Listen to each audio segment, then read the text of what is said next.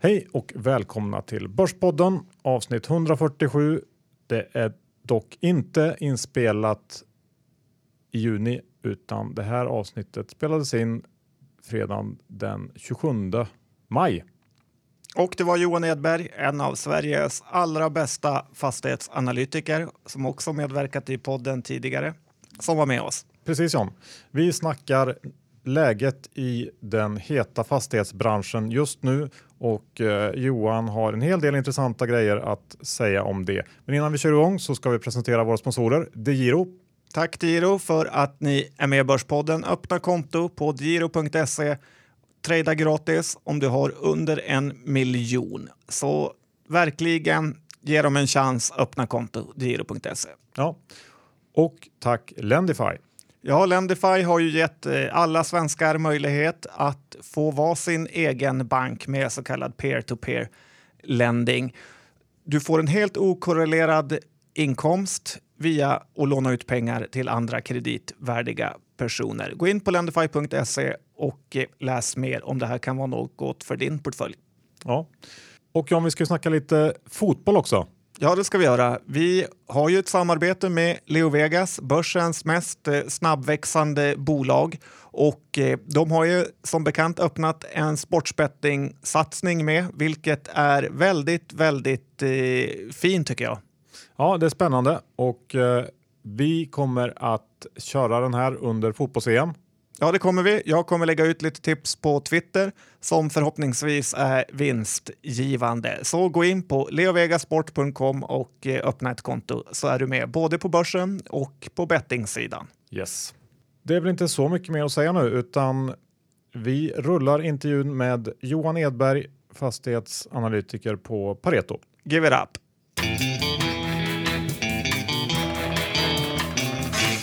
Idag säger vi välkommen till Johan Edberg igen. Välkommen! Tack snälla. Du har ju varit med förr i Börspodden.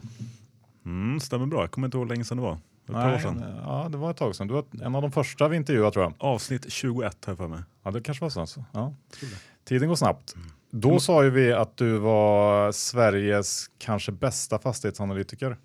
Och eh, igår, var det igår? Mm, förrgår kanske. Förrgår. Mm. Så eh, fick vi svart på vitt när du blev utnämnd som Nordens näst bästa stockpicker inom fastighetssektorn. får vi säga grattis till. Även en blind höna, eller vad man nu säger. Ja, men jättekul. Tack. Vi kan väl börja med att gå igenom lite grann hur läget är nu på fastighetsmarknaden. Vad, eh, vilka vindar är det som blåser och ja, ge oss en uppdatering helt enkelt. Mm. Börja med den lilla frågan. Exakt. Uh, ja, hur ska man sammanfatta det på, på rimligt kort tid? Man kan konstatera att det är ju fortsatt väldigt få moln kan man säga på den svenska fastighetsmarknaden. Det finns ju saker i omvärlden som, som man kan tycka borde störa på ett och annat sätt. Men det, det är en lokal affär. Det, det handlar väldigt mycket om Sverige och det handlar ganska mycket om, om, om Stockholm och de större städerna om man liksom tittar på, på den totala exponeringen egentligen bland, bland börsbolagen eh, som är inriktad på, på fastigheter och, och kanske utvecklingsbolag också. Eh, och det går otroligt bra. Alltså om man tittar på Stockholm till exempel som är ett bra som ett exempel och det, det gäller till viss del även, även Malmö och Göteborg tycker jag, så, så har vi någon form av på gränsen till ja, hyperinflation vore fel att säga, men vi har en stark, en stark tillväxt, en stark lokal inflation i Stockholm som såklart gynnar de bolagen som, som är exponerade mot, mot den marknaden. Samtidigt som man åtnjuter den här extrema fördelen att ha väldigt, väldigt låga eh, kostnader för, för, för externt kapital för, för lån.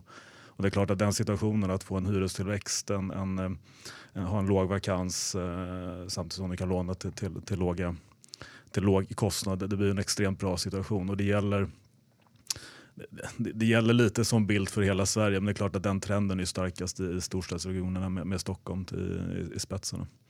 Så att, så att eh, det som skulle kunna ändra på den här festen, ändra på bilden, eh, det, det, det är, någon, det är variabler som, som, som oväntat eh, kraftigt stigande räntenivåer, en arbetslöshet, eh, företag som går i konkurs. Lite svårt att se den, den, den, den bilden, eh, åtminstone de kommande ett, två, möjligtvis tre åren.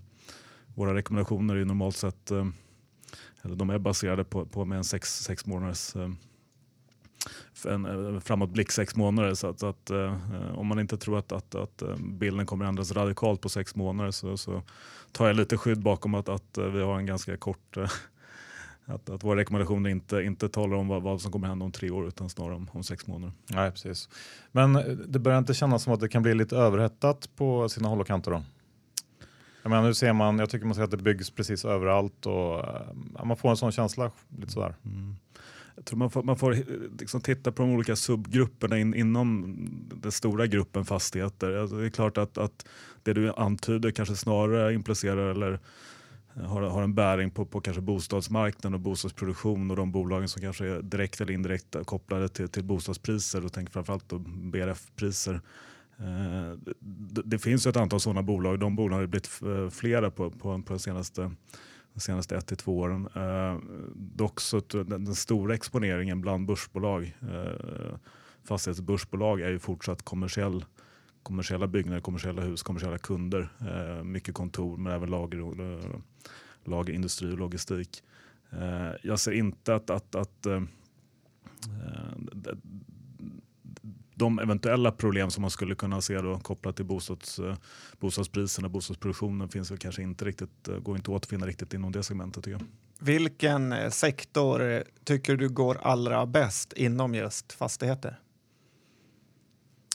Eh, det, det jag tycker är mest intressant, om man, om man inte ska, ska säga, ge ett visst namn eller en visst bolag aktie just nu, så tycker jag att det som är, känns mest intressant nu och, och de kommande 6-12 månaderna tycker jag är, är kontor på rätt ställen i Stockholm. Jag tror att man underskattar den extremt starka eh, eh, de extremt starka krafterna som, som, som påverkar både, både, både vakansnivåer och hyror men framförallt kanske hyres, hyresnivåerna eh, på, på ja, kort till medellång sikt. Eh, visst, man, man, får betala till och med en liten premie till exempel för Fabege som jag tycker är ett, ett intressant, eller väldigt intressant namn just på det, på det temat. Men jag tror att den premien är snarare egentligen är en rabatt utan man underskattar den, den, den, den starka eh, så underliggande hyrestillväxten som vi ser just nu vilka implikationer det får på, på värdering både på kassaflöden såklart men kanske ännu mer på, på värden.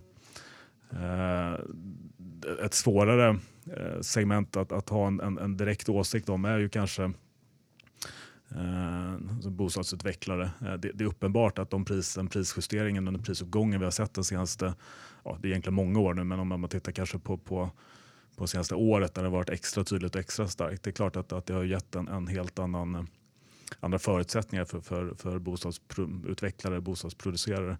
Eh, och det är klart att det är intressant på kort sikt om man tror att de här priserna är uthålliga. Å andra sidan så har ju de, de som förser eh, utvecklarna med mark har insett att, att det går att ta mer betalt för det också. Det är, det är, en, det är en flaskhals med, med mark. Så det, det, är mer svårbedömd eh, subsektor att avgöra. Det är klart att, att i grund och botten så är högre priser implicerar ju liksom en bättre förutsättning att, att tjäna pengar. Men det är många som ska göra det samtidigt. Du nämner att det är ju fantastisk marknad i Stockholm. Övriga landet då? Vart eh, tycker du man ska hålla utkik för fastigheter där? Inom vilket segment tänker du generellt? Eller? Ja, Alltså jag tror att grundförutsättningen för att ha, ha en, liksom en sund fastighetsaffär är att, att äga fastigheter där, där, där underliggande samhällsutvecklingen är positiv. Då tänker jag framförallt egentligen på en, en en, en, eh, en, positiv befolkningsutveckling. Det gäller ju inte minst för, för bostadsproduktion men, men, även ska jag säga, grunden och fundamentet för, för, för egentligen all fastighetsexponering. Eh, tycker jag. Och det är klart att de flesta kommuner, om man tittar på, på rent numerärt, så de flesta kommuner i Sverige har en positiv befolkningsutveckling. Eh, men, men, men det, det, det, är lättare att göra affärer eh, i, i, i, lite större orter där du har en bättre eh, transaktionsmarknad, bättre likviditet, kanske en bättre visibilitet för vad, vad, vad saker och ting ska kosta. Det är lätt, lättare att vara fastighetsägare och, och ha en fastighetsaffär i kanske Ja, man ska göra det lite enkelt för sig, Stockholm, Göteborg, Malmö, men såklart att det finns andra residensstäder som är intressanta också. Men, men det ska vara en, en, en, en ort som snarare är på uppgång än på, än på dekis. Det, det, det är väl grundregeln. Sunt förnuft med andra ord. Ja, det kan man, så kan man sammanfatta det. Generellt, om vi bara tittar generellt på hela sektorn, hur känns värderingen av fastighetssektorn? Den, den, den känns eh, utmanande men inte osund. Alltså det implicerar ju, så som man värderar eh, ett, ett genomsnittligt fastighetsbolag. Eh, du, du har ju en premie på, på, på, på det vi kallar för substans som egentligen är det egna kapitalet justerat för ett antal faktorer. Det här betalar man ju lite mer för. Det vill säga egentligen att om du skulle sälja varje fastighet för sig så skulle du, få, skulle du inte få lika bra betalt för som, som, som det värderas till på börsen idag.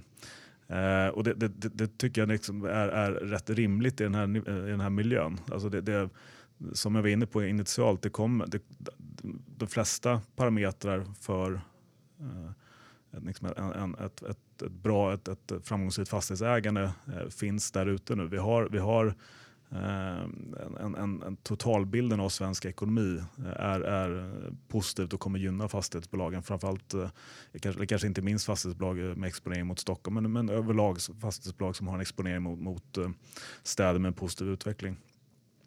Eh, vi kan också konstatera att, att eh, som, som, regel så får man mer betalt för en portfölj idag än vad du får för en styckefastighet, vilket också tycker jag motiverar en, en, en premie på ett fastighetsbolag eh, som har just den typen av riskdiversifiering, eh, som har en portfölj eh, och, och, som har kanske en annan riskprofil versus en, en, en situation där du äger en, en styckefastighet. Eh, det säger lite sig självt att en del, en del av de risker som man förknippar med att äga en fastighet, eh, du kanske har en eller ett par hyresgäster, Eh, jag, tror att den som äger en eller ett par fastigheter också har svårare att få, få eh, fördelaktig eller konkurrensmässig finansiering på den typen av, av, eh, av tillgång. Det är klart att, att allt annat lika i den här miljön så, så tycker jag det känns logiskt att man, att man är beredd att också betala en, en premie för portföljen, vilket, vilket, vilket vi ser på börsen idag. Om du hade 10 miljoner, hade du köpt Fabg för dem eller en egen hyresfastighet?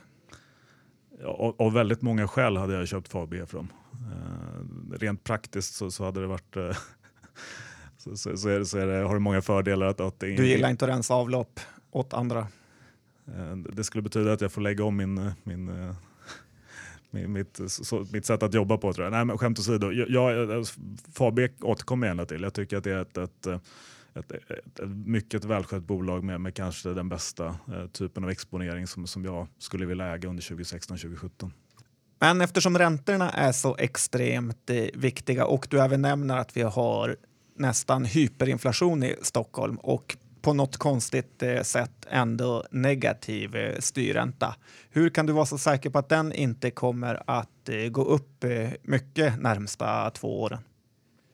Nej, det kan jag inte vara så säker på. Och ska jag vara helt ärlig, jag är ingen, eh, eh ingen räntestrateg, jag är ingen makroekonom. Eh, någonstans så blir min, min input, input i min, min, min åsikt eller min analys hämtad ifrån någon som, som kan det bättre än vad jag kan. Jag tror bara att vi kommer att fortsätta att leva med relativt billig finansiering. Eh, eh jag tycker man ska komma ihåg att även om räntan går upp eh, procentuellt sett ganska mycket från dagens nivåer så är det fortsatt ett, ett väldigt fördelaktigt eh, finansieringsklimat för, för fastighetsbolagen. Jag tror att det kan finnas eh, saker som kommer påverka eh, finansieringskostnaderna på, på, på, både kort och, och medellång sikt. Jag tror att det kan bli till exempel att det kan bli dyrare att låna från banken av, av, av anledningar som är svårt att exakt redogöra för. Men, men, men vi har väl sett de tendenserna till exempel om man jämför finansieringsförutsättningar idag eh, mot, mot slutet av förra året så har ju både obligationsmarknaden och, och eh, tror jag bankmarknaden blivit något dyrare. Men, men, det här är fluktuationer som vi kommer se lite fram och tillbaka tror jag. Det är nog lite, lite säsongsform också. Jag tror bara att överlag att, att vi kommer ha så pass relativt låga finansieringskostnader att, att, att eh, det inte kommer skälpa uh, skälpa fastighetscasen på, på, på kort medellång sikt. Om man går in på mikro mikronivå, skulle du våga köpa en bostadsrätt i Stockholm idag på två års sikt? Jag tror inte att marknaden kommer krascha, men jag tror inte man ska förvänta sig någon, någon speciellt bra eh, totalavkastning på den investeringen, om man nu ser den som en investering och inte som en hygienfaktor. Bra Johan och Johan. Ska vi titta lite mer på enskilda bolag? Ja, det tycker jag. Ska vi börja med, vi har ju delat upp eh, bolagen i grupper här på något sätt för att du ska få, eh, ja, få välja ut favoriten. Mm. Får vi se hur det går. Eh, ska vi börja med Norrlandsbolagen? Vi börjar längst upp och jobbar oss neråt. Då tänker jag kanske på Diös och MP3. Mm. Jag, jag, tror att, att man ska se på de här bolagen, även om, om MP3 och, och även säkert Diös också har, har tillväxtambitioner så tror jag att an, investerings Eh, anledningen till att investera i något av de här bolagen är nog att man söker eh, en, en stabilitet avseende egentligen både, både fastighetspriser och, och, eh, och hyresnivåer och att man kanske snarare ser det som, som väldiversifierade eh, intressanta investeringar för, för en god direktavkastning.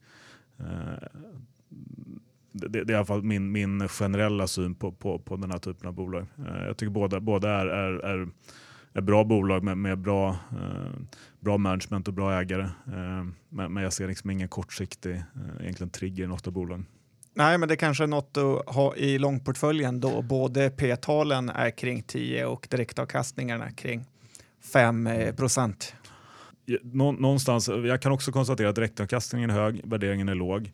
Men någonstans måste, nå, någonting måste ändra på det. Ja, det måste in någon, en, en, ny, en ny variabel, någon form av ny input till det här caset för att, för att marknaden ska, ska välja att, att handla upp aktien och se det på ett annat sätt. Idag, idag är det så här man väljer att värdera bolagen. Och jag kan inte riktigt se vad som är den nya eh, den, den nya eh, beståndsdelen, den nya synen på bolagen som gör att man ändrar den värderingen.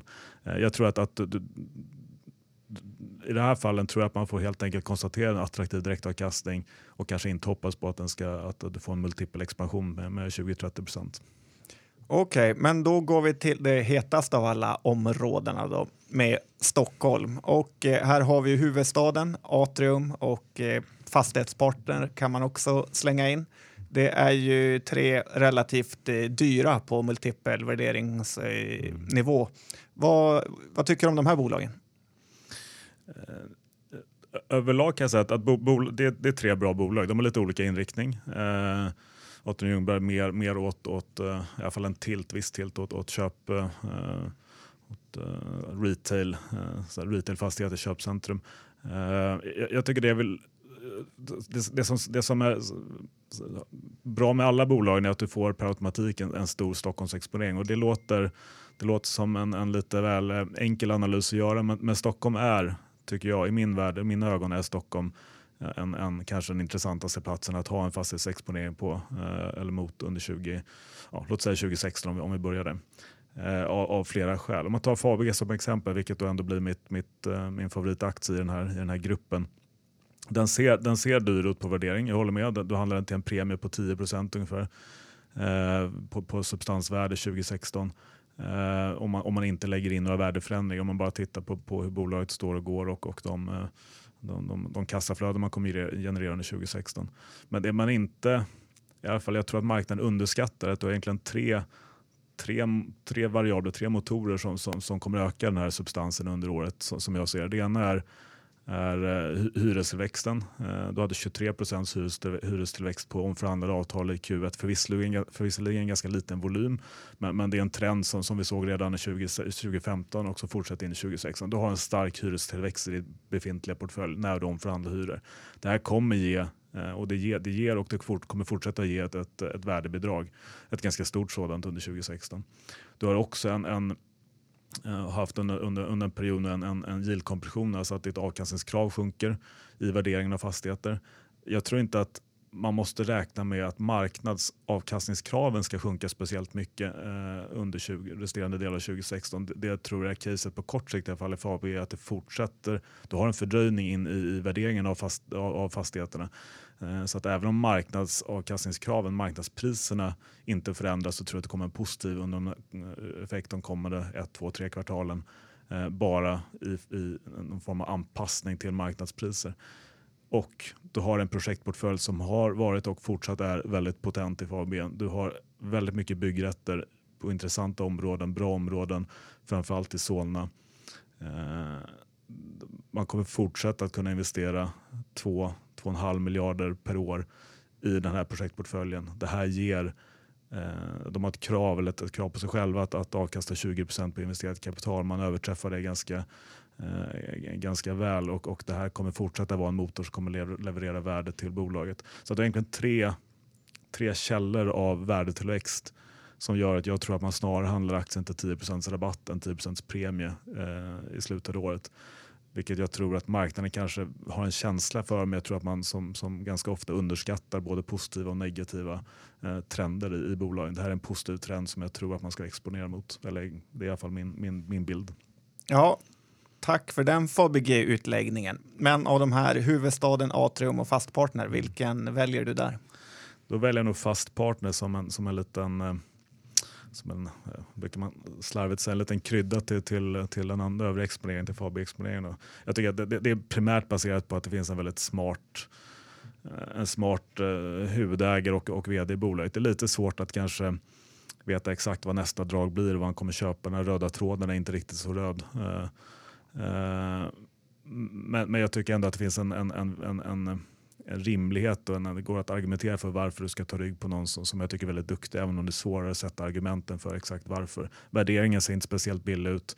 Å andra sidan, lite som, som vi diskuterade Norrlandsbolagen, där, där är värderingen låg av någon anledning. Marknaden är inte beredd att betala mer. Vad ska ändra på det? Någonstans kan man vända på det resonemanget och säga att i FAB, eller förlåt, i Fastpartner i det här fallet så har marknaden valt att sätta en premie på, på, på Sven-Olof Johansson eller Fastpartner och det de gör.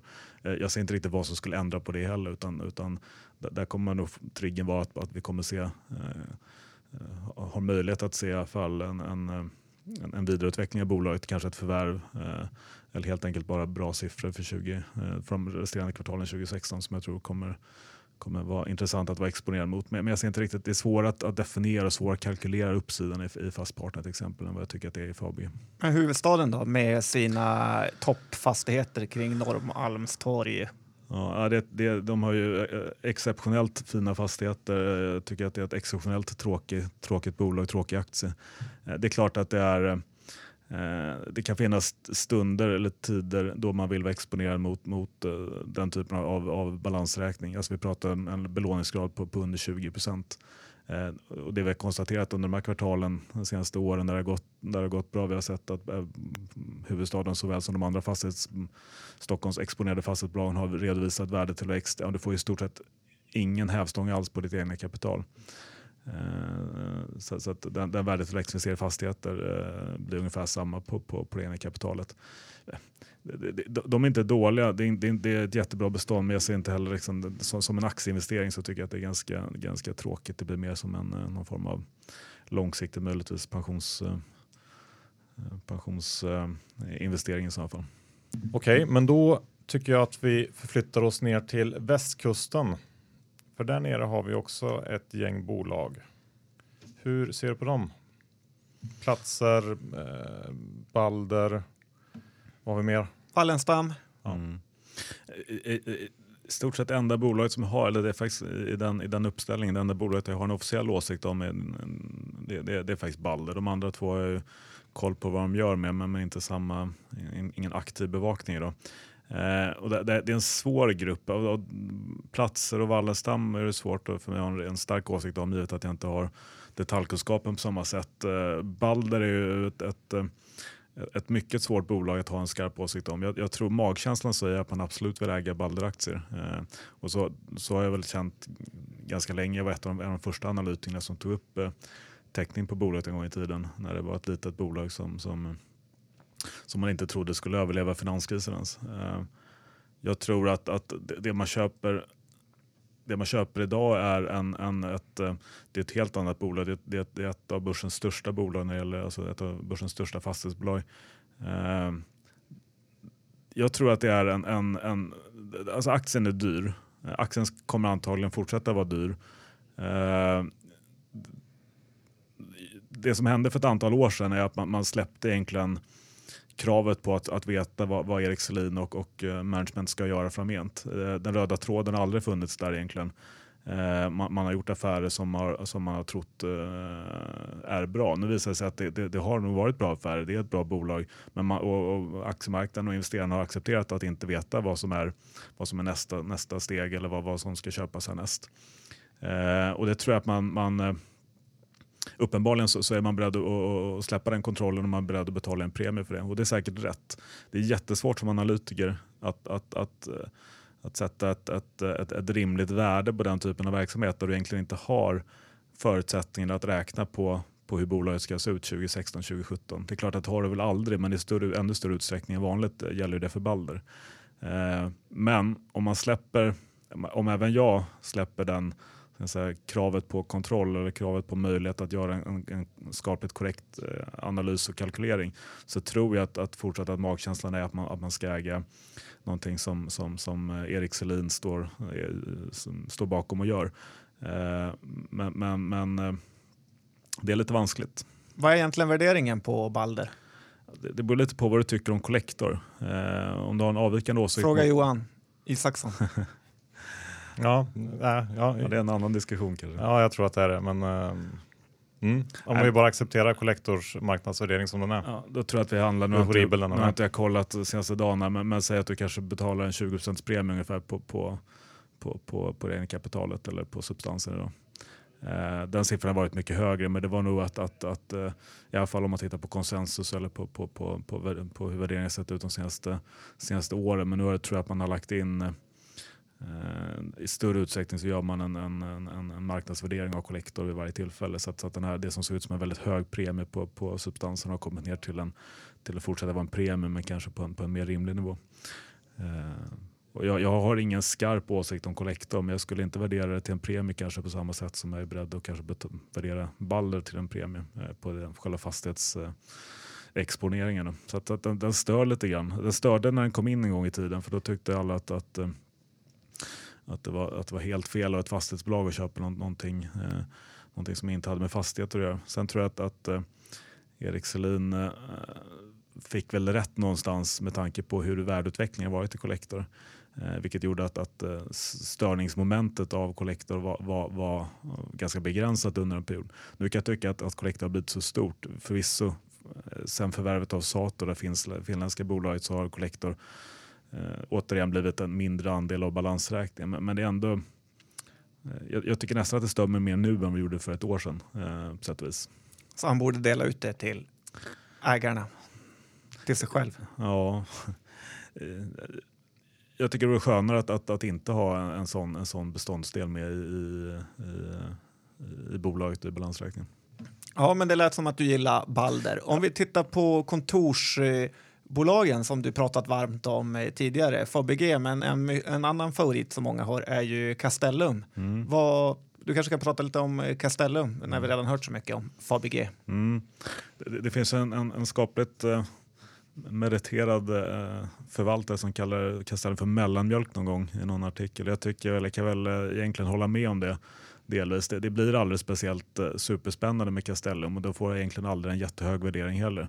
Du får, du får, det du får i Castellum är en, en, en eh, man brukar säga en proxy på svensk fastighetsmarknad. Du får ett tvärsnitt av, av, eh, av det som är svensk fastighetsmarknad. Och det är uppenbarligen någonting som har, varit en, en, någonting som är attraktivt för in, utländska investerare som äger mer än 50 procent av bolaget. Man, har- man har kunnat köpa Castellum. Eh, man vet att det är ett rent och helt bolag som, som, eh, där du inte får några konstigheter. De är ganska tydliga med sina strategier och sina mål. Och, så. och det har fått liksom ett, ett tvärsnitt av svensk fastighetsmarknad. Eh, så jag, över, över tid och överlag kan man säga att jag har en ganska neutral syn på bolaget. Eh, jag förväntar mig inga stora kast i värderingen eller egentligen i prissättningen heller. Eh, det, det jag tycker är kanske intressant nu på slutet är eh, nu när man förvärvar en väldigt stor portfölj i, i, i norra Sverige. Du köper Norrportens eh, eh, eller köper hela Norrporten och konsoliderar det, det beståndet i Castellum. Eh, det gör ingen jätteeffekt på, på värdering. Du får en justerad liten rabatt kan man säga att du köper det för. Eh, men det som är intressant är att du får ytterligare en, en eh, du, får, du, får, du får ett större bolag, en större portfölj. Du får ytterligare en, en riskspridning, ytterligare något bättre proxy på svensk fastighetsmarknad i och med att du lägger till vissa delar som inte har varit exponerade mot tidigare. Och du gör det i stort sett utan att förändra din relativt konservativa syn på, på finansiering och belåning. Så jag tror att det, det, det, man, det man kan förvänta sig är allt annat lika är att du får kanske en ytterligare möjlighet till, till större utländsk exponering. Alltså att det finns en marginalköpare någonstans där ute som, som, som, som, som, är, som är beredd att köpa eh, Castellum som inte gjorde det för ett, för ett halvår sedan. Men borde inte värderingen gå ner om du stoppar in ett Diös eller MP3 i till exempel huvudstaden? Mm. Eh, nu är inte, det man köper nu är inte eh, absolut inte eh, MP3 och det är kanske inte Diös heller. Alltså det här är, det, dels är det inte bara Norrland, det är ju fel namn på bolaget, från, inte från början men det har blivit det över tid. Eh, Det finns en, en, en, en, en, en skapligt stor del som är Norrland men, men då pratar vi egentligen ska säga, prime Norrland, alltså extremt välskötta fastigheter, fina fastigheter, eh, bra kontor i bra lägen. Eh, och, och så ska man komma ihåg att mycket av Norrporten är inte heller Norrland utan det är, är eh, Köpenhamn, det är Stockholm och det är andra residensstäder i Sverige. Delvis överlappande med Castellums mm, tidigare bestånd men också vissa nya orter som man får en exponering mot. Så att ja, eh, eh, du, du tog mig lite för hårt på orden där eh, när det gäller just Norrland. Jag tror att man får jag tror att man, eh, approachen är väl lite, eller angreppssättet blir väl lite annorlunda. Jag, jag tror att produkten du skapar är en ytterligare en, en, produkt som ytterligare kan skapa... Eh, du, du, kan på det här sättet hitta kanske en marginalköpare vilket egentligen är det som ofta krävs för att, för att en aktie ska, ska, ska, för att du ska, ska komma till nästa eh, ska höja värderingen eller, eller att kursen ska gå upp. Du måste hitta någon ny som ska köpa aktien. Och det, det, det tror jag de förutsättningarna finns lite grann med, med, med den här typen av förändring i beståndet. Man kan säga att de gick från mellanmjölk till ekologisk mellanmjölk. Ja, lite, lite en minijustering. Ja. Då hoppar vi över till eh, den här lager logistiksektorn mm. med eh, Sagax och, och Corem och Klövern. Mm.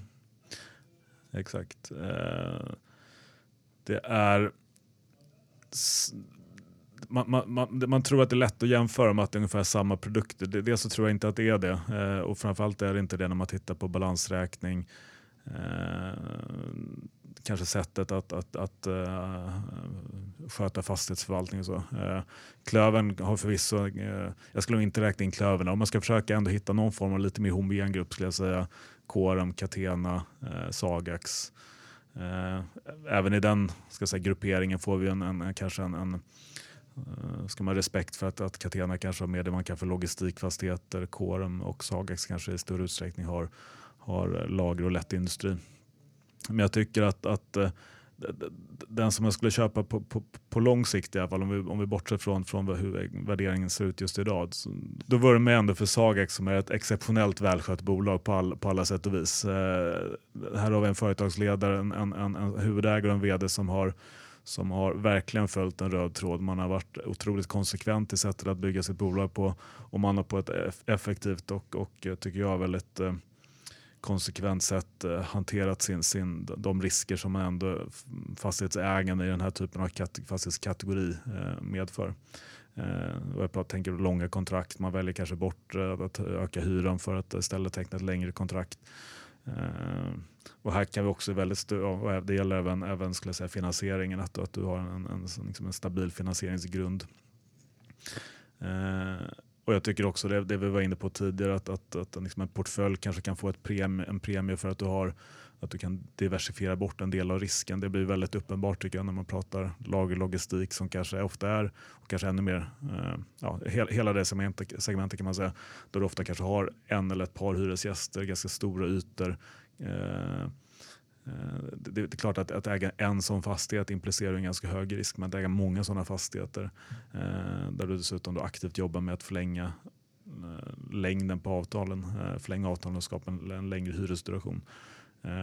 Jag tycker man har gjort det för samma Jag tycker att det, det, bygget av Sagax är ett, ett, ett, ett, ett mönsterbygge och det, det, personen och, och designen bakom det är en person som jag, som jag gärna överlåter en, en Eh, mitt kapital till. Det finns ju två Wonder Boys i svensk eh, fastighetsdel. David Mindus och Erik Selin. Vem mm. skulle du satsa på om du är tvungen att välja? Alltså, hjärnan säger David Mindus. Eh, hjärtat kanske säger eh, Erik Selin. Jag tycker de är ganska olika. De har, de har lite olika approacher. Eh, men, men, men ja, jag, kanske stannar där. Hjärtat och hjärnan säger två lite olika saker. Eh. Men vad gäller Korem och Rutger och Klöver och kurs, äh, korsägande, hur ska man se på det och hur stort eh, värde har det i, i de här bolagen? Så det, det, är en komplex diskussion och det känns som att vi har haft den här diskussionen ganska länge. Jag tror att vi eller var inne och, och eh, diskuterade det här senast jag satt, eh, satt vid det här bordet också för två år sedan. Eller vad det var. Eh, det vi kan konstatera är att det ser ut på ett visst sätt. Det har sett ut på ett visst sätt ganska länge och det, jag tror att det skapar problem i värderingen för Corem där, där en stor del av Rutgers kontroll över klöven ligger i, i, i kåren. Eh, jag kan mer egentligen mest konstatera det. Eh, jag tror man får förhålla sig till det och jag har egentligen ingen analys på, på jag tror om, om, om utvecklingen i fortsättningen. Det vi kan konstatera är att den, det som skapade ytterligare infektion eh, i hela den här setupen var ju Tribona eh, ska man säga, Tribona-affären, Tribona-problematiken eh, som fick sin, sin upplösning i, i, i höstas, våras. Här. Eh, eh det har gjort, gjort infektionen något mindre. Nu känns det som att det är tillbaka lite där vi var för, för, för något, två år sedan. Jag har egentligen ingen bra analys på, på, på, på hur det kommer att se ut framgent. Där. Men vi kan konstatera, en stor, jag tror att det, är, det, det, skapar komplikationer i, hur man ska se på kåren när en, en, stor del av balansräkningen är aktier i ett annat börsnoterat bolag. Det, det, det, det, det är ett problem för, för just synen på, på den, det bolaget och den aktien. Bra, men då tycker jag att vi går över till eh, de här bolagen som eh, växer lite snabbare kanske man kan säga. Det Carnegie, Victoria Park. Eh, ja. Vad har du att säga om dem? Eh, överlag kan jag säga att jag tycker affärsmodellen är, är intressant. Eh, eh, om man ska förenkla lite kan man säga att Victoria Park och det Carnegie gör ungefär samma sak. Man har det Carnegie kanske lite större exponering mot Stockholm eller Storstockholm eller den, eh, Stockholmsregionen eh, än vad Victoria Park har. Men, men överlag eh, samma typ av, av, av, av affärsupplägg och, och, tanke bakom affären. Och det handlar egentligen, vilket eh, många säkert känner till i det här laget, men det handlar om att, att att köpa uh, bostäder, hyresbostäder som, som är Eh, där det finns en väldigt stor hyrespotential. Du kanske betalar 800-900 kronor per kvadratmeter. Det kanske finns en, en potential upp till 1300-1400 eh, om man totalrenoverar de här lägenheterna. Det man gör, vilket är smakfullt tycker jag, att, att det, det, handlar inte om, om eh, påtvingade lyxrenoveringar. Det handlar om att man gör det i, i, i, takt med att en hyresgäst flyttar ut så, så, så, tar man tillbaka den här lägenheten, ger den en uppgradering. Eh, och det handlar om egentligen om allt från badrum, byta stammar, kök, eh, Eh, och sen erbjuder den till, till, en, eh, eh till en ny hyresgäst. Eh, eh, jag tycker man gör det på ett smakfullt sätt. Jag tycker man förklarar, på, åtminstone Victoria Park du är duktig på att förklara vad man gör med, med Eh, Eh, vad man har för syn på, på, på, på, sin verksamhet och vad man gör med de här områdena där fastigheterna ligger. Det handlar inte bara om, ja, det är klart att i slutändan handlar det om att få ett, ett, ett bättre intjäning och ett högre värde. Men jag tycker man också på vägen lyckas förklara att man, man har, en avsikt, man har för avsikt att, att liksom skapa bättre bostadsområden överlag och inte bara, inte bara fokusera på, på varje möjlig vinstkrona och, och ökade, ökade värdet. Eh, så jag, jag gillar affärsupplägget, jag gillar affärsmodellen eh, och har varit väldigt positiv till Victoria Park egentligen ända upp till till, till 16,5 krona. Eh, eh, den fick någon form av, av, av riktigt turboryck här och handlades uppåt 20 kronor eh, för någon månad sedan.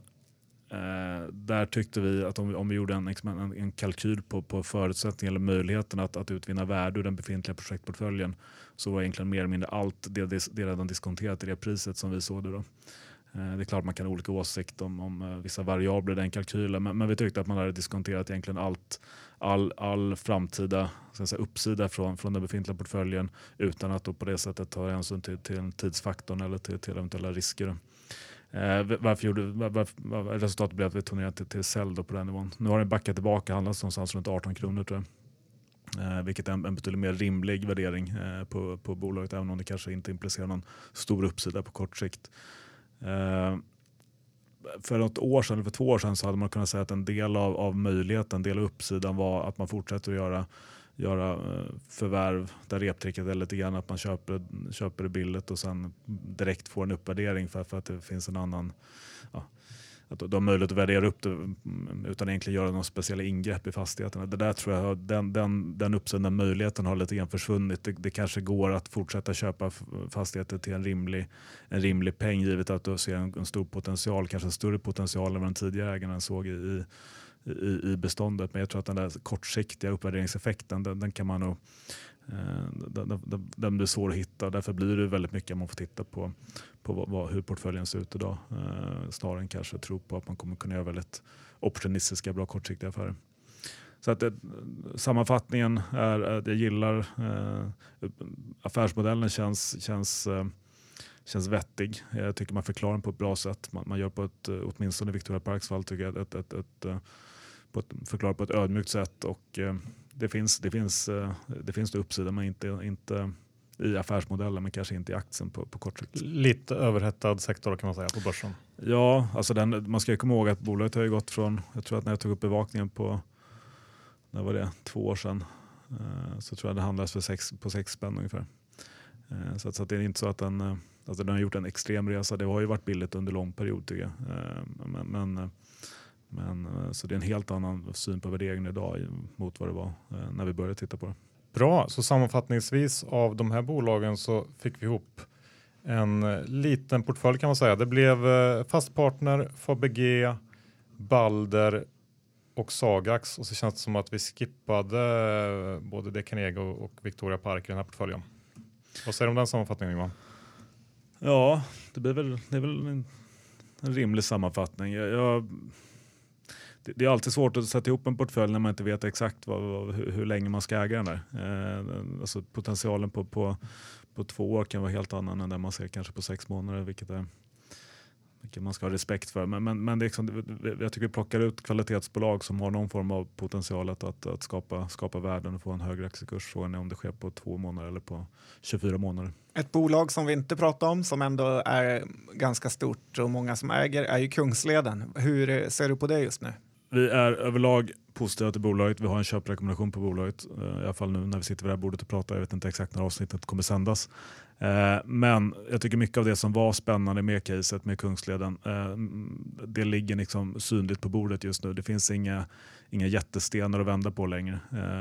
Jag tyckte att ganska länge, att, att man, eller jag trodde länge i alla fall och hade väl delvis rätt att, att det fanns en, en kanske en underskattning av, av vart bolaget var på väg man, man gick från, från eh, betala väldigt, väldigt höga räntor, eh, ha väldigt hög ränta, betala mycket, eh, mycket pengar för, för sina lån. Eh, man har gjort en, jag tycker, en väldigt eh, imponerande städning av portföljen där du fått bort mycket av det som man kanske är mindre, mindre attraktiva fastigheter, mindre attraktiva orter.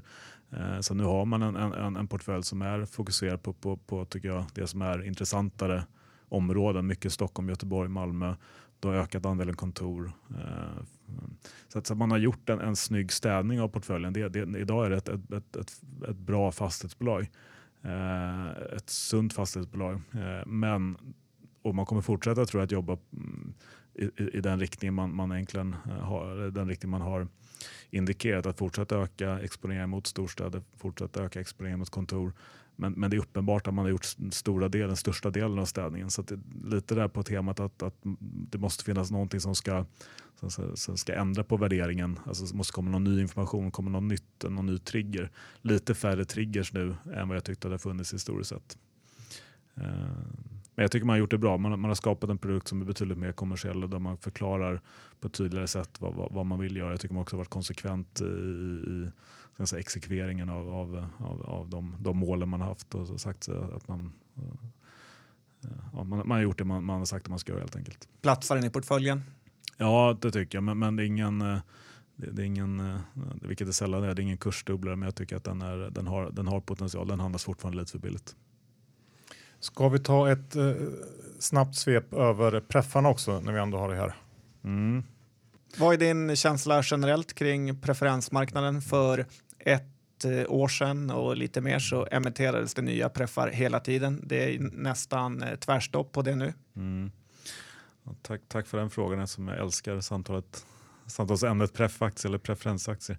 Eh, jag, jag, har helt ärligt ingen, ingen, ingen stark, eh, stark åsikt om preffarna. Jag kan mest bara konstatera hur de handlas. Jag har alltid varit lite förundrad över, över eh, både hur de handlas eh, sinsemellan. Alltså, spreadar, eh, Jag, jag, kan tycka att ibland att, att, att eh, riskprofilen på bolagen och de olika typer av förutsättningarna för, för, för de, de pref-emitterande bolagen eh, inte riktigt å, liksom återspeglas i skillnaden i, i, ska säga, i utdelningsnivå eller räntenivå om man ska uttrycka eh, Vad jag tror nu? Nej, jag, jag, har ingen stark åsikt. Jag kan konstatera hur de handlas, jag ser hur de handlas. Jag, tycker att, jag har konstaterat också att det har en, eh, givet kursutvecklingen såklart, så har det blivit en mindre attraktiv finansieringskälla. För grundförutsättningen för preferensaktier är egentligen inte förändrad eh, om man tittar på underliggande tillgången, alltså underliggande bolagen. Eh, så det, det, är nog mer en fråga om, om, eh, om eh, effekter från, från, eh, från räntemarknaden och från eh, saker som kanske inte har med, med de underliggande bolagen ja. En stor favoritpreff är ju Akelius. Har du någon kommentar på den? Nej, i och med att jag inte har någon superbra koll på, på, på, på bolaget som sådant så, så är det svårt att ha en, en bra kommentar på preffen. Jag kan bara konstatera att ett, ett stort bolag med, med, med, med en exponering mot, mot eh, eh mot hyresfastigheter på många olika marknader känns ju spontant som en, en, en, en god förutsättning för en låg risk en preferensaktie. Så att, att om vi bortser från detaljer som jag inte, som jag inte har kunskap om ska jag tycka att, att eh, grundförutsättningarna för en bra preff, en bra preffinvestering verkar ju finnas där. Jag har kommit på en ny produkt eh, som jag kallar för räntespreaden. Mm. Det innebär att om du till exempel har Avanza eller Nordnet-lånet på 08 som det är nu så kan du köpa eh, preferensaktier som ger kring 8% Om du utökar lånet med 10% så räcker det med en eh, tiondel för att täcka hela lånet. Är det något du skulle rekommendera? Alltså, den, den, här, den här diskussionen känner jag igen från, från egentligen när det bara var Sagax som hade en preferensaktie utstående. Jag vet att det fanns eh, kollegor på den tiden som, som, eh, som köpte aktien och belånade sitt, sitt hus eller sin lägenhet och liksom låg och körde den här spreaden länge. Ja, alltså det, det, nej, jag, jag, jag, rekommenderar inte det. Jag, jag, jag, kan konstatera att det går, går att göra det och det, det, finns säkert en affär på kort sikt men det är klart att, att ja, jag tror att, att eh, det, det, det, får vara din, din rekommendation tror jag. Mm, precis, vi håller den till John. Mm. Johns räntespread. Bra. Innan vi avslutar det här samtalet Johan så kanske vi kan ta en liten snabbis också om eh, de här bostadsutvecklingsbolagen som finns här. Magnolia vet i alla fall att du har eh, en åsikt om, du har täckning på dem. Ja, det, det, det är ett, det är ett, ett, ett, ett hett ämne med, med, med alltså givet som, som vi kanske var inne på initialt det där Eh, diskussionen så är det ju bostadspriserna är vi kan konstatera att bostadspriserna har gått upp extremt mycket. Eh, egentligen ingen vet väl vart de är på väg. Vi vet att det finns många störningsmoment i, i, i, säga, i analysen av, av, av, av, mm, av bostadspriserna framgent. Allt från regleringar till, till, till, eh, till ja, potentiell ränte, räntehöjning. Och så. Jag tror att, att det, det, sättet att få exponering mot, mot eh, bostadsutveckling utan att egentligen vara exponerad, åtminstone inte direkt mot, mot eh, BRF eller bostadsrättspriser, är, eh, tycker jag är att köpa Magnolia. Eh, här har vi en, en, en, vi ska vara tydliga med att Magnolia utvecklar också till viss del, en ganska liten del bostadsrätter. Men, men eh, typaffären och huvuddelen av, av deras eh, eh affärsupplägg är att, att producera hyresrätter. Och där tycker jag man gör med, med, på ett ganska smart sätt. Alltså du, du, du, kontentan är att, att bolaget tar, tar eh, en, en, en, en låg marknads och affärsrisk. Du, du, om man ska förklara det snabbt så, så, så är ett typprojekt är att du, du eh, på ett eller annat sätt får tillgång till en, en mark, antingen via en, en, markanvisning från en kommun eller, eller förvärv på, på den öppna marknaden. Eh, du, du, bolaget projekterar fram ett, ett, eh, en, en produkt, ett, eh, en, en eller ett ett, eh, en, en bostad hyresrättsprodukt som du då, eh, säljer till, till en, eh, en institutionell investerare. Det kan vara Alecta, det kan vara eh, SEB, eh, SPP som, som, som köper den här produkten. Eh, eh, och Det som händer i samband med att du säljer den här så, så får du betalt för de kostnader du har lagt ner. Du, får, du skriver ett, ett, också ett, ett fast prisavtal med, med, en, med, en, med en byggare. Så att egentligen kan man säga att all, i stort sett all risk bortsett från motpartsrisk, eh, går över eller försvinner i samband med att du säljer fastigheten, säljer projektet. Eh, så att i bästa värde så, så, kan du presentera, kan pressreleasen vara att du både köper marken, säljer projektet och upphandlat ett fastpriskontrakt med, med en konstruktör, eh, entreprenör som, som gör att, att eh, att för visst, det är inte samma marginaler som på BRF, eh, ett, kanske ett, ett, eh, typiskt Oscar Property BRF-projekt. Vi pratar inte 20-30 procent på det, vi, vi pratar kanske snarare 10 procent. Men, men, men, givet, de för att, givet det att i stort sett all risk eh, är, är säga, borta ur affären så tycker jag att de 10 procenten känns som en ganska god risk-reward på, på, på, på, på den här typen av affär. Så att, att det, det, är någon form av exponering mot, mot en, egentligen både en, en positiv bostadsmarknad men kanske ännu, ännu mer en, en positiv eh, säga, transaktionsmarknad och ett intresse från institutioner att äga den här typen av produkter. Eh, det verkar finnas, i alla fall idag, ett, ett, ett nästan omättligt eh, intresse för, för att köpa en, en, en hyres, en bostadshyresfastighet någonstans mellan 4,5 och 5 procents avkastning. Så att så länge inte den, det intresset torkar upp och så länge man på något sätt har möjlighet att, att få tillgång till, till mark, vilket man bevisligen varit ganska duktiga på, eh, eh, så tror jag att den här affären kommer fortsätta att gynna bolaget och fortsätta gynna aktieägarna under en, en uh, under ett, ja, 2016, 2017, 2018 så långt som vi, vi tittar på i våra prognoser. Aktien står, har gått bra, står i kring 83, 84. Ja. Vad har du för riktkurser som eh, kan vara intressanta? Alltså jag tror att ett första steg är att den ska upp till 100, men det, det har vi trott ett tag. Eh, det vi har konstaterat, om vi har sett ett antal projekt eh, eller ett antal eh, annonseringar av nya projekt på senare tid som, som, som, som på något sätt ska säga, tar bort en del av risken. Den volym, vi har ju antagit en viss volym, att de ska kunna leverera ett visst antal enheter och ett visst antal projekt under 2016, 17, 18. I, i, de, i de antagandena har det funnits en, en Eh, vissa antaganden, de prognoserna har funnits vissa antaganden om att, att, eh, att det kommer ske någonting som inte finns i projektportföljen idag. Det vi ser nu när man levererar nya projekt och när man, när man eh, skickar ut pressmeddelanden om, om ett nytt projekt som inte tidigare funnits i projektportföljen är att en del av den här ska man säga, fluffet, de, de lägenheterna som vi inte har sett tidigare, en del av, eh, av, av de eh, Eh, ska säga, den delen av, av eh, vår estimerade intjäning täcks ju av, av faktiska projekt. Så jag tycker man avriskar egentligen våra våra prognoser med varje nytt projekt som, som tillkommer. Eh, så att även om inte ska säga, riktkursen ska upp på varje nytt projekt så tycker jag att, att, att kursen ska upp mot riktkursen på varje nytt projekt i och med att du får en, en avriskning. De hade en härva i Uppsala med något som inte blev av. Du är inte rädd att det kommer drabba dem negativt? Jag, jag tror att det här projektet är, är ett, ett, ett, dåligt exempel på, på, på, på den nuvarande affärsmodellen. Det, det är ett, ett, ganska tidigt projekt, ett, ett projekt som initierade för länge sedan. Det var ett bostadsrättsprojekt dessutom. Eh, det var med, med, med, typ av kontrakt och med typ av motpart som man, som man normalt sett inte använder eller gör affärer med idag. Så att jag tror att det är, eh, jag, jag känner mig ganska komfortabel med att det där var en, en eh, ett, ett, ett projekt som inte exemplifierar dagens, dagens Magnolia och det, den typen av projekt de gör idag. EU-poster, det gillar ju du Dr. Bass. Mm, verkligen. Men eh, du föredrar alltså Magnolia framför säg Oscar eller liknande utvecklare? Ja, baserat på riskprofilen och baserat på att du faktiskt eh, kan välja bort en risk som jag tror att marknaden kommer fokusera på eh, under sommaren 2016 och under hösten. Alltså det finns en, en, en uppenbarligen viss oro för BRF-priserna. Jag säger inte att jag, jag lägger inte in en, en, jag har inte en skarp åsikt om jag tror att det ska upp eller gå ner. Jag tror bara att, att sättet att kunna liksom neutralisera den, den effekten men ändå på något sätt vara exponerad mot, mot segmentet. Eh, eh jag tycker att de här 10 procenten i projektmarginal eh, eh känns mer intressant än 20 procent eh, projektmarginal om, om eh, givet riskprofilen. Men hur, det är en grej jag har funderat på när det gäller just Magnolia. Hur värderar man ett sådant bolag? För man har ju den portföljen de har och så kan man diskontera värdet av, av det. Eh, och sen då kanske lägga till någon slags eh, liten eh, premie för någon eventuell eh, kunskap i organisationen. Eller hur, hur ser man på det? Mm.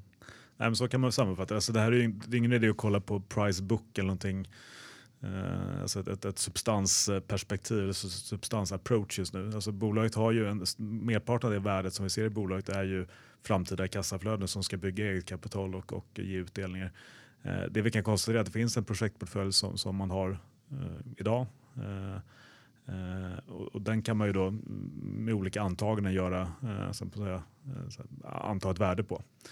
och det är klart att någonstans får man titta på kanske vad bolaget säger och lite vad de har Eh, levererat historiskt sett. Alltså vilken typ av marginal du får på den här den typen av affär.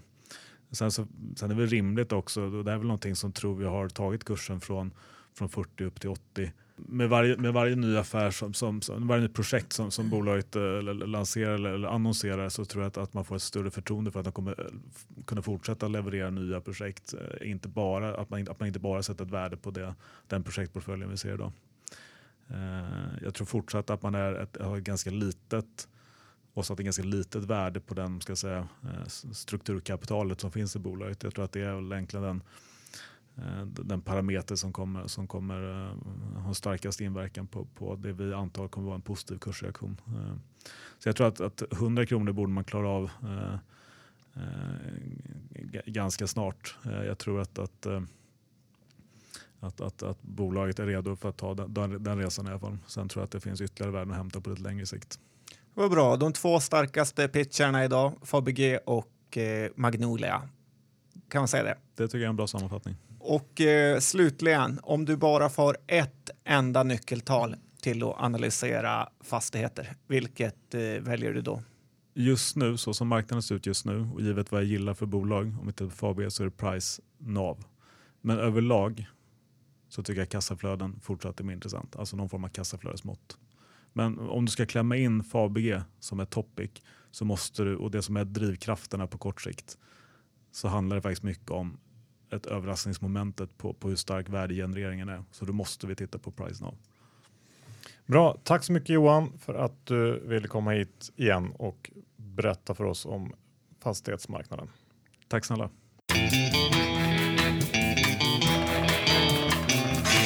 Fy satan Johan var bra. Ja, det där, eh, det där var bra och eh, nu har man egentligen allt man behöver ha för att eh, navigera runt bland börsens fastighetsbolag. Ja, verkligen. Tack Johan Edberg för att du medverkade och eh, även tack Lendify.se. Gå in och öppna ett konto där. Och låna ut pengar så kan ni själva bli er egen lilla bank, vilket inte är fy skam. Det är det inte. Och vill man bli trader och handla gratis så gör man det på giro.se som vanligt. Nästan alla jordens aktier och eh, courtagefritt om du har under en miljon. Ja. Och John, vi får inte glömma vår spelsponsor nu under EM, Leo Vegas. Nej, gå in och öppna ett konto och lägg ett bett för att förhöja känslan på matcherna som eh, spelas här. Det är väldigt kul att ha en slant på ett lag eller första inkast eller vad man nu gillar för något. Ja, själv kommer jag nog bara spela på Sverige. Och Zlatan. Ja. Nu ska vi inte säga så mycket mer utan eh, här var det heller inga innehav att snacka om utan eh, vi får helt enkelt tacka för lyssningarna så hörs vi nästa vecka igen precis som vanligt. Tack och hej!